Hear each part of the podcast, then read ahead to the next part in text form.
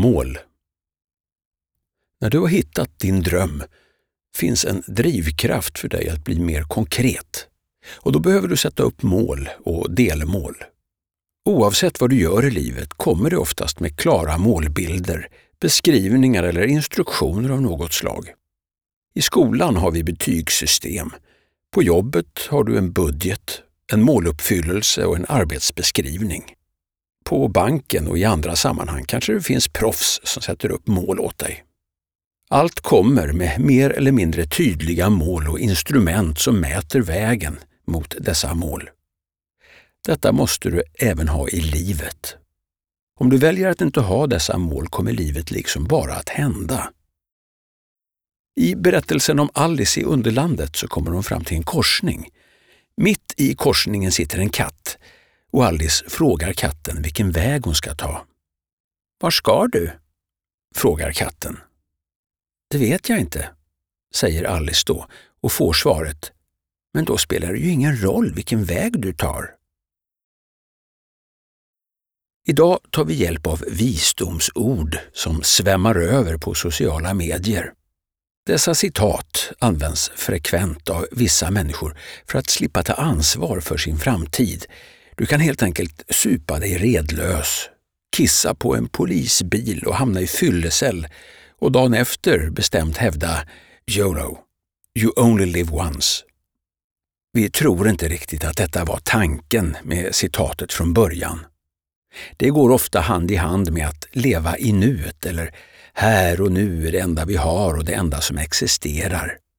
Även om det nu faktiskt stämmer så hade det varit mindre bra om alla gick runt och tänkte så. Har du ingen konkret plan eller konkreta mål i livet kommer det att se ut på exakt samma sätt dag ut och dag in. Du blir bara äldre och troligtvis lite tjockare och tunnhårigare med tiden. Nu säger vi inte att det är något fel med detta, absolut inte. Vi talar bara om hur vi tänker. Är du lycklig med din situation så är det ju fantastiskt. Men har du ambitionen att livet ska ge mer än det gör just nu så är det dags att sätta upp mål. När du gör det behöver de vara konkreta. Du kan alltså inte skriva ner ”jag ska ha det bra i framtiden”.